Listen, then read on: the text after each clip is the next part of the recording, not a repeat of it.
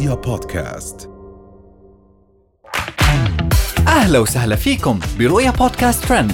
كل إشي بتحتاجوا تعرفوه عن آخر أخبار النجوم والمشاهير وأهم ترند صدر لهذا الأسبوع. فوز العتيبي تستعين بآيات قرآنية لممارسة حريتها. رهف القحطاني تتعرض للخيانة من شخص. زهرة عرفات ترد لأول مرة على ريم رحيمة. مروج الرحيلي وشراء سياراتها البائضة. ظهرت مشهورة سناب شات السعودية فوز العتيبي فيديو وهي تستشهد بآية قرآنية للتحدث عن الحرية في الإسلام والتي يكلفها الدين للجميع. موضحة أن الشعب السعودي وخاصة المرأة يجب أن تمارس حياتها بشكل طبيعي وبدون ضغوطات. وأضافت فوز العتيبي استكمالا للحديث بينها وبين المتابع ومن حقنا كشعب أن نحترم اختلافات بعضنا. ولا نسمح لفكر معين فرض وصايته علينا. رح نحتفل ونعيش ونمثل مثل كل شعوب العالم والله هو المسؤول عن الثواب والعقاب. ولا يحق لبشر أن يمارس دور الله علينا والله غني عن وصاية البشر. واختتمت فوز العتيبي مستشهدة بالآيتين 21 و 22 من سورة الغاشية. كشفت مشهورة السعودية رهف القطاني المعروفة بوذنكها أنها تعرضت للخيانة من قبل أحد الأشخاص حيث سمعت بإذنها الحديث المليء بالحقد عليها بعد محاولات مستمرة من التودد إليها. وكتبت رهف القحطاني موضحة القصة.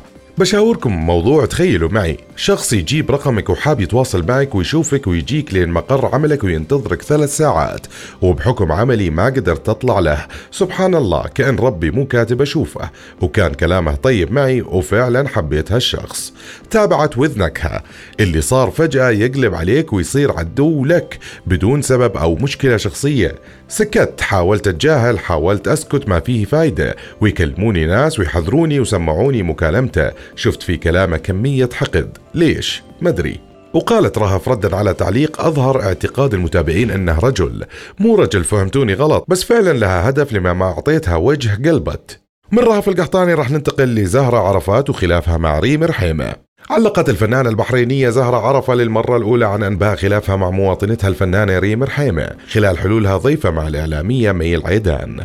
فتحت مي العيدان الحديث حول الخلاف الشائع بين زهرة عرفات وريم رحيمة واللي كثر الحديث حوله خلال الفترة الماضية دون التطرق لأي تفاصيل تخصه. وأجابت زهرة عرفات بشكل محايد وقالت إنها لم تختلف مع أي شخص مطالبة الإعلامية الكويتية بكشف تفاصيل الخلاف إذا كان هناك واحد. وقالت زهرة عرفات ما صار بيني وبينها خلاف. من خلاف زهرة عرفات وريم ننتقل لمروج الرحيلي واستعراضها لسياراتها.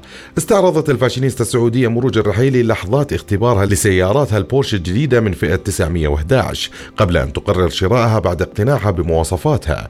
وشاركت مروج الرحيلي متابعينها مقطع فيديو وهي داخل السيارة ومعها مندوبي الشركة لعمل اختبار القيادة للسيارة الجديدة. وأخذت مروج الرحيلي في طرح التساؤلات على مندوبي الشركة الذين أقنعوها بشراء هذه السيارة والتي أعجبتها بسبب العديد من المواصفات الفاخرة التي تحتوي عليها فضلا عن سرعتها الكبيرة حيث يبلغ سعرها نحو 519 ألف و700 ريال سعودي. وكانت مروج الرحيلي قد شاركت متابعينها قبل فترة بلوحة أرقام مميزة لسيارتها حيث كتبت عليها حروف سين كاف راء لتشكل الحروف كلمة سكر. وركزت مروج الرحيلي على استعراض لوحة أرقام سيارتها وكتبت معلقة باللغة الإنجليزية شجر ترجمة لكلمة سكر بالعربية.